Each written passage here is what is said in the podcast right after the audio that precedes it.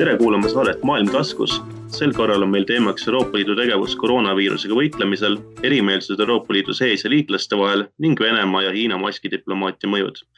teemasid aitab meil avada Euroopa Parlamendi saadik Urmas Paet, mina olen saatejuht Margus Parts. esmalt võikski vaadata Euroopa Liidu tegevust üldisemalt. me kuuleme pidevalt, kuidas liikmesriigid kehtestavad või kaotavad piiranguid, räägime sellest, kuidas üks või teine riik on hakkama saanud. aga kuidas on hakkama saanud Euroopa Liit ise? Kas on käitunud adekvaatselt ja kas selle vastus on olnud piisavalt kiire. sest Brüssel on pälvinud päris palju kriitikat selle eest, et viiruse oht võideti veel jaanuari lõpus ja veebruari alguses, mis loomulikult maksis väärtuslikku aega, mida oleks saanud kasutada valmistumiseks. millise hinde võiks Euroopa Liidu tegevusele anda? noh, kui vaadata kriisi algust, siis ega tegelikult ei olnud maailmas ja Euroopas ju üldse peaaegu ühtegi ma arvan, riiki või organisatsiooni, kes oleks äh, käitunud targalt juba siis, kui tegelikult isegi Hiinas ja Aasias oli näha, et see viirus levib. et äh, tõsiselt ju hakati selle teemaga Euroopas tegelema alles märtsis, pigem isegi märtsi keskel. olgugi, et juba ka ju ametlik info ja kõik see, mis toimus, oli näha jaanuarist, näiteks Hiina ja mõne Aasia riigi näite varal veel. noh, üks näide on see, et kui Euroopa sees siis märtsi alguses suure kiiruga näiteks lennuühendused lõppesid, siis noh, enne seda peaaegu kaks kuud näiteks lennuühendus Hiina ja, ja Euroopa vahel toimis nagu tavapäraselt peaaegu, et oli ainult mõningaid üksikuid ärajätmisi. nii et selles mõttes ma arvan, et ei ole õiglane ega ei ole ka mõtet nüüd ühele või teisele institutsioonile otseselt Äh, näpuga näidata, kes justkui midagi maha magas, noh, see mahamagamine võib öelda teatud mõttes oli üleüldine, noh, millel oli ka mingeid objektiivseid põhjuseid. et noh, me oleme ju ka rääkinud sellest, kuidas Maailma Terviseorganisatsioon äh, samamoodi oma liikmetele ehk sisuliselt kõigile maailma riikidele õigel ajal ei andnud hoiatust noh, mille taust on ka näiteks see, et olgugi, et Taiwan, eh, kes ei ole Maailma Terviseorganisatsiooni liige Hiina vastuseisu tõttu, eh, andis väga sisulise ja adekvaatse info selle viiruse ohtlikkusest ja kiirest nakkavusest eh, WHO-le ehk Maailma Terviseorganisatsioonile, kes aga seda oma liikmetele edasi ei saatnud ja ka õigel ajal üleüldist hoiatust ei teinud. nii et noh, tagantjärgi tark olles võib öelda, et neid nii-öelda mahamagajaid oli ikkagi hulgi noh, mis Euroopa Liitu puudutab, siis ka siin muidugi jätkuvalt ilmselt tuleb meelde tuletada, et Euroopa Liit ei ole üks riik, vaid Euroopa Liit koosneb praegu kahekümne seitsmest riigist ja, ja nende valitsustest. aga kui vaadata selle koroonakriisi algust, siis ega riigid hakkasidki väga kiiresti tegema ka teisi mõjutavaid otsuseid, näiteks Euroopa Liidu sisepiiride sulgemisel, nii et noh, sellel hetkel ega Euroopa Komisjonil või mõnel muul Euroopa Liidu üksusel ei jäänudki tegelikult võimalust ega aega näiteks seda tegevust tasuda kuidagi koordineerima, näiteks seda piiride sulgemist. nii et noh, võib öelda, et Euroopa Liit praegu selle kriisiga tegelemises tuli mängu nii-öelda järgmises etapis ehk siis, kui oli vaja hakata kokku panema nii-öelda kõikvõimalikke abipakette, nii rahalisi, kiireloomulisi abipakette, siis meditsiiniliste kaitse tarvikute abi mõnedele riikidele ja muud sellist, nii et noh, siis võib öelda, et Euroopa Liit sai nii-öelda ennast käima. ja, ja noh, kui näiteks siin Itaalia või ka mõni muu Lõuna-Euroopa riik äh, aeg-ajalt äh, kuskil väidab, et, et nende tohutud abistajad on olnud Hiina ja, ja Venemaa, no siis tegelikkus on see, et ikkagi kõige suurem nende riikide abistaja on Euroopa Liit ja teised Euroopa riigid. ja noh, ka praegu mm, Euroopa Liit on siis panemas kokku nii-öelda uusi pakette majanduse mm, aitamiseks äh, tulevikku, sealhulgas siis järgmine seitsmeaastane Euroopa Liidu eelarve perspektiiv kindlasti saab paljuski olema ka suunatud sellele, et, et sellest praegusest majanduslangusest siis aidata riike mm, nii-öelda välja tulla. No ma pean ikkagi küsima selle Schengeni viisaruumi sulgemise kohta, et siin näiteks Siim Kallas ju hiljuti võttis sõna sellel teemal, et, et Euroopa Liit oleks ikkagi pidanud sekkuma liikmesriikide otsustesse. et äh, kuidas seda, kuidas seda hinnata siis, et mis piirist oleks pidanud äh, Euroopa Liit sekkuma ja mis piirist siis oleks pidanud laskma riikidel ise talitada? no küsimus on see, mida see sekkumine sel hetkel oleks tähendanud või andnud. no ma väidan, et ega tegelikult ei olnud Euroopa Liidul väga suurt mänguruumi selles osas, kui riigid äh, ikkagi konsulteerimata tihti teistega, lihtsalt tegid otsuse, et nüüd mingist kuupäevast on näiteks teistel Euroopa Liidu riikide kodanikel sisenemine keelatud ja noh, tavaliselt see kuupäev oli enam-vähem homme.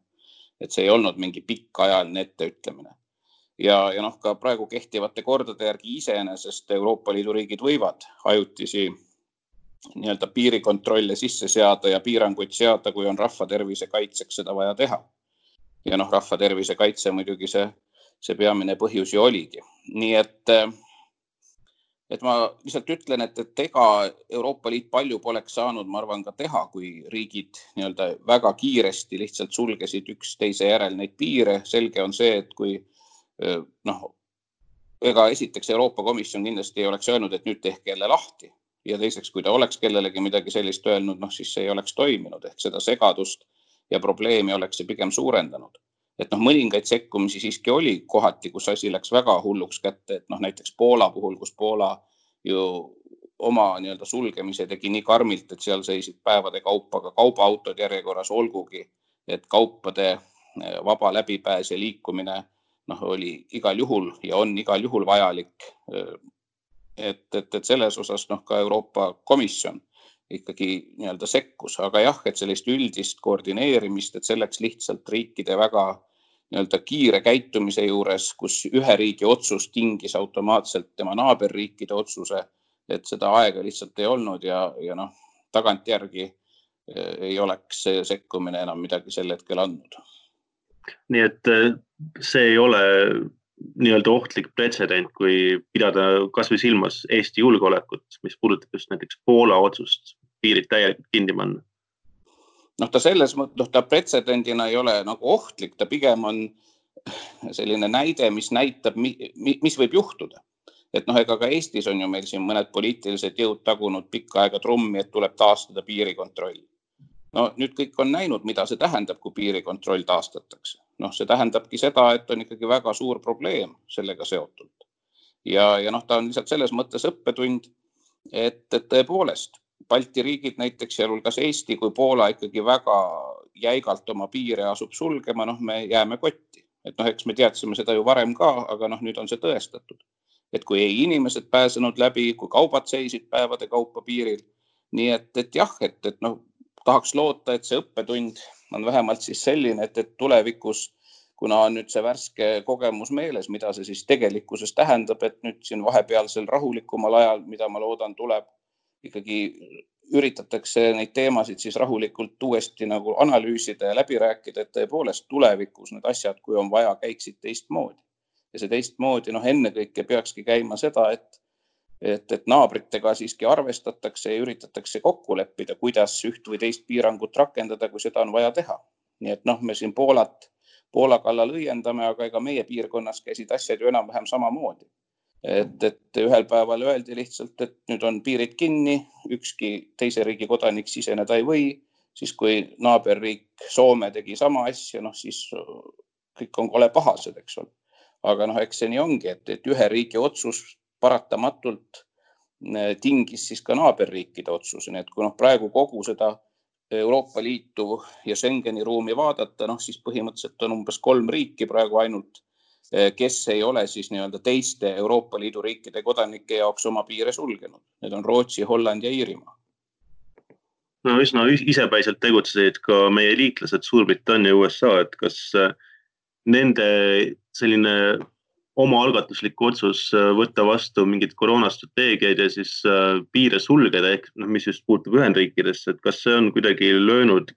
kiilu Euroopa Liidu ja, ja liitlassuhetesse? Noh, ega ta Euroopa ja Ameerika suhteid lihtsamaks muidugi ka see praegune periood ei ole teinud ja noh, seal on muid nüansse ka, kui ainult see ka jälle üleöö tulnud otsus näiteks äh, reisimise või, või liikumise peatamisest, aga noh, selles osas ega siis jah, Ameerika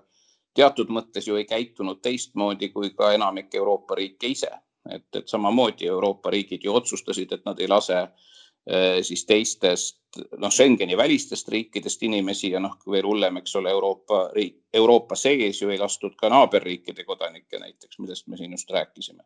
nii et ega noh, selles mõttes Ameerika Ühendriikide käitumine ju sellest nagu väga ei erine noh, küsimus on jälle ikkagi selles, kuidas kõike seda tehti, noh, tehtigi nii, et see saabus teisele poolele tihti üllatusena. et neid asju normaalselt ei räägitud läbi ega isegi ei informeeritud teist poolt, et see on muidugi väga halb praktika.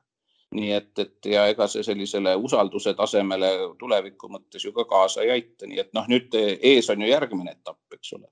et kui neid äh,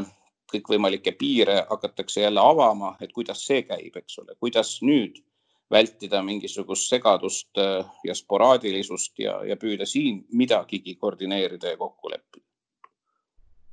üsna keeruline olukord on tekkinud ka Lõuna- ja Ida-Euroopa suhetes, et no Ida-Euroopa on ju saanud äh, väga palju vähem pihta koroonaviirusega. samas kui Lõuna-Euroopa on ikkagi äganud nende surmade uute juhtumite all, et noh, Lõuna-Euroopa on ju kritiseerinud Brüsselit kabimeetmete aegluse ja nappuse eest et kas äh, on näha praegu, et need poliitilised lõhed, mis on nagunii olemas juba olnud, et kas need süvenevad nüüd selle valguses? no see risk on olemas ja see tuleneb peamiselt sellest, et see ei ole ainult noh, selline poliitiline mingi pingpong, vaid et äh, siin ikkagi viimased paar kuud on näiteks Itaalia puhul, aga ka mõne teise riigi puhul väga selgelt mõjutanud avalikku arvamust. et noh, ikkagi ka Euroopa seesmise koostöö mõttes muidugi on selgelt probleem kui vaadata näiteks seda Itaalias tehtud avaliku arvamuse uuringut, noh, mille järgi üle poole itaallastest ütleb, et kõige sõbralikum riik Itaaliale on Hiina ja teisel kohal on Venemaa. Ja kõige suuremate nii-öelda ebasõbralike riikidena nähakse Saksamaad ja, ja teisi Euroopa Liidu riike. et muidugi selline avaliku arvamuse kujunemine tegelikult on probleem, sest noh, selge, et see hakkab mõjutama ja mõjutab ka, ka muud poliitikat. noh, iseasi küsimus on see, et kuidas selline avaliku arvamuse muudatus näiteks Itaalia puhul sai üldse tekkida. ja noh, põhjus ongi ju see, et, et, et suure nii-öelda, suure tähelepanu said need mõned Itaaliast ja Venemaalt tulnud, eks ole, lennukid ja see nii-öelda abi. samal ajal, nagu ma ka enne ütlesin, kõige suurem abistaja Itaaliale on olnud Euroopa Liit ja teised Euroopa riigid. aga noh, mingitel segastel asjaoludel see fakt ei ole jõudnud itaallaste teadvusesse Äh, vaid see arusaam on see, et justkui Euroopa Liit jättis meid nii-öelda üksi ja siis hiinlased ja venelased tulid appi, mis noh, selles mõttes ei vasta tõele, et Euroopa Liit ei ole neid üksi jätnud. Et, et, et selles osas ka selline infosõda või, või infokonflikt paratamatult ka selle koroona kriisi ajal on olnud ja noh, kohati kahjuks see on Euroopa seisukohalt muidugi andnud halbu tulemusi. nii et ütleme, et ka selle nii-öelda info leviku Äh, selgitamise, selle näitamise, mis siis on ja mida ei ole, et noh, kindlasti selle, seda tuleb edasi teha, aga noh, praegu on seda juba jälle mõnevõrra keerulisem siin tagantjärgi teha. Aga jah, et, et, et selle kriisi raames siis ka ütleme selliseid pooltõdesid või ka suisa valesid jälle päris hästi läks levima. No eks ilmselt oma osa mängib ka see, et Euroopa Liidu saadetistega ei kaasne selline massiivne PR kampaania nagu Venemaa ja Hiina puhul, kus siis saadetakse kohale kaamerad ja kõik muu selline, aga kuidas Brüsselist endast tundub, kas need, kas seesama poliitiline avalik arvamus on hakanud jõudma ka Brüsseli koridoridesse? praeguses etapis selles mõttes veel mitte väga, et noh, praegu ikkagi see peamine tegevus on jätkuvalt see, kuidas äh, siis tervishoiukriisist nii-öelda välja kasvanud äh, majanduskriisi ja selle mõjusid leevendada. ehk siis praegu on ikkagi jutt kõikvõimalikest äh, abipakettidest, laenupakettidest, muud või muust, mis majandust ergutaks, nii et noh, hetkel praegu ei ole olnud ilmselt aega nagu selliste Eh, suuremate filosoofiliste asjadega tegeleda, aga noh, ma olen päris kindel, et see ka tuleb varsti. ehk et millised siis tegelikult on ka Euroopa Liidu poliitika kujundamise jaoks õppetunnid sellest kriisist ja kõigest sellest, mis selle raames siis toimus kui me nüüd räägime sellest, kuidas Euroopa Liit peaks kriisist väljuma, siis mis on need punktid praegu, mis on kõige tähtsamad, mida ette võtta, et pidada silmas, et Euroopa Liit väljuks kriisist ühtsena ja noh, loodetavasti siis äh, mitte liiga palju kahjustada saanuna eks siin on päris palju asju, noh, kõige peamisemad hetkel ja päevakajalisemad muidugi ongi see, et, et kuidas nii-öelda taastada siis Euroopa Liidu põhialuseks olevad vabadused, noh, sealhulgas liikumisvabadus ehk see väga praktiline küsimus, millal, mismoodi näiteks Euroopa Liidu sisene vaba liikumine taastub ja kui äh, kooskõlastatult suudetakse seda teha Äh, teine aspekt on ikkagi majandus, seesama, et, et need ka need majanduse abimeetmed, mida siis nüüd Euroopa Liit otsustab ja mis rahaliselt on ikka väga-väga suured, et noh, praeguseks ligi kolm triljonit eurot juba. et äh, nad esiteks puudutaksid ennekõike neid sektoreid, kes on kõige valusamini pihta saanud, teiseks, et neil oleks ikkagi pikaajaline majandust ergutav mõju. Äh, nii et see on nüüd võtmeküsimus ja siin on jälle vaja ju riikide kokkulepet, sest kõige pikemaajalisem majanduspoliitiline otsus, mida praegu Euroopa Liit teeb, ongi see järgmine seitse aastat kestev finantsperspektiiv ehk Euroopa Liidu seitsmeaastane eelarve, mis on väga põhimõtteline rahanduspoliitiline valik ja, ja noh, selles on ka vaja, et riigid lepiksid kokku alates sellest, mis on selle uue eelarve rahaline maht ja, ja muidugi siis kuhu sealt peamised need kulu suunad liiguvad ka seoses selle praeguse majanduse jahtumisega. ja, ja noh, kõige selle juures muidugi kolmas oluline aspekt on see, kuidas Euroopa ja Euroopa Liit siis juba lähitulevikus ehk pärast seda kriisi eh, positsioneerub globaalselt või rahvusvaheliselt. Et mis on see tasakaalupunkt näiteks Euroopa Liit, Hiina, Ameerika Ühendriigid ja mingis küsimus või mingites küsimustes ka Venemaa näiteks ja noh, selles osas muidugi Euroopal tuleb eh, ka veel üht-teist teha, et noh, üks murekoht, mis on ka ju varem olnud, ongi näiteks Euroopa Liidu rahvusvaheline mõju eh, siis ühtse välis- ja julgeolekupoliitika kaudu. Et kuidas kõiki neid komponente, mis näiteks Euroopa Liitu rahvusvaheliselt mõjukamaks saavad teha, et, et need komponendid toimiksid palju paremas koostöös kui seni. noh, ma pean siin silmas klassikalist diplomaatiat Äh, siis ütleme rahvusvahelist kaubandust, arengu ja humanitaarabi ja siis ka seda jõu poolt ehk sõjalist poolt. Et noh, kõik need neli komponenti peavad olemas olema ja omavahel koos töötama, et noh, siis on võimalik Euroopa Liidul ka rahvusvaheliselt olulist rolli mängida. noh, teine teema, mida ju ka on siin kajastatud palju, on nii-öelda Hiina kasvav mõju kogu maailmas, sealhulgas Euroopas. et ka siin Euroopal tuleb juba lähitulevikus ikkagi teha väga selgeid valikuid, ma väga loodan, et neid on võimalik teha üksmeelsemalt kui seni. puudutab see näiteks 5G võrkude väljaarendamist olukorras, kus ka Euroopa enda kaks suurt firmat, Nokia ja Ericsson, on võimelised neid võrke rajama. puudutab see sedasama ka infosõda, noh, mida me praegu koroonakriisi ajal nägime ka Hiina poolt lähtuvana ja muid aspekte, nii et, et selles osas ega neid huvilisi maailmas, kes tahaksid maailma jõujooni ümber kujundada, sealhulgas Euroopa arvelt, noh, on rohkem kui üks muidugi ma olen seda küsimust esitanud ka eelnevates saadetes, aga ma küsin ka sinu käest sedasama, kui just teema läks Hiina peale, et kas äh, Hiina praegune selline, no ikkagi üsna segane vastus sellele kriisile ja, ja segane kommunikatsioon võib tegelikult õõnestada nende positsiooni, mis nad on juba endale välja mänginud Euroopas? Ma ei ole päris kindel selles, et noh, nagu me enne rääkisime, eks ole, et näiteks Lõuna-Euroopas, sealhulgas Itaalias avalik arvamus täna on selgelt Hiinat soosiv ja, ja noh, see kindlasti on oluline aspekt ka Euroopa Liidu nii-öelda sisestes aruteludes.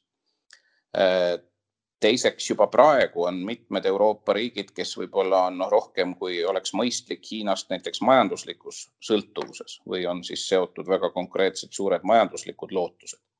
nii et, et kui vaadata jälle Euroopa Liidu nii-öelda välissuunalist poliitikat, siis ühtse Hiina poliitika kujundamine kindlasti on üks kõige raskemaid, kuna juba täna riikide eh, noh, või ütleme otse siis sõltuvus Hiinast peamiselt majandusasjades on väga erinev.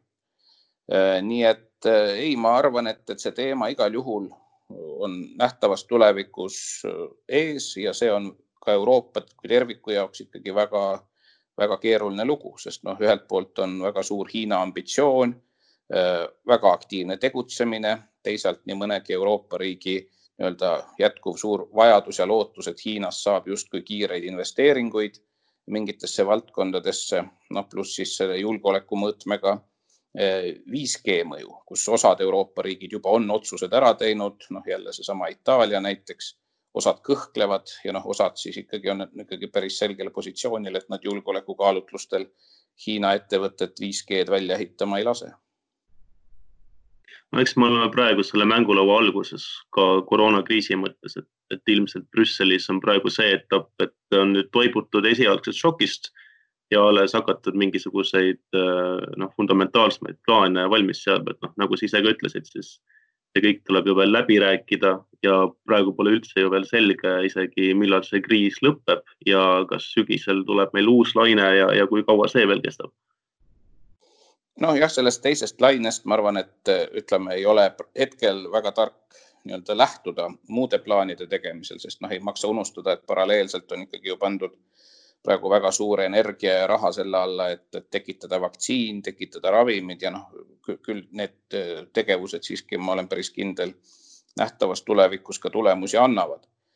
aga noh, pigem jah, et kogu selle praeguse õppetunni ma arvan, peamine sisu on nagu laiem, et üleüldine kriisiõppetund, sest noh, fakt on see, et maailmas võib juhtuda igasuguseid kriise, ei pruugi olla see ainult tervishoiu oma, see võib olla julgeolekuga seotud otsene suurem kriis ka Euroopa jaoks. noh, ma ei tea, see võib olla loodusega, keskkonnamuutustega seotud, noh, mis iganes. Et noh, pigem tuleks, ma arvan, jah, vaadata ka neid õppetunde selles valguses, et kuidas ikkagi nagu tegeliku kriisiolukorras Euroopa riikide koostöö toimib ja noh, praegusest äh, loost on ilmselt päris palju õppetunde võtta kaasa, sest noh, nagu me oma juttu alustasime, vähemalt selle kriisi algusperiood ikka läks nii-öelda väga künklikult. no suur tänu, Urmas Paet, see oli seekordne Maailm taskus. aitäh teid kuulamast, järgmise korrani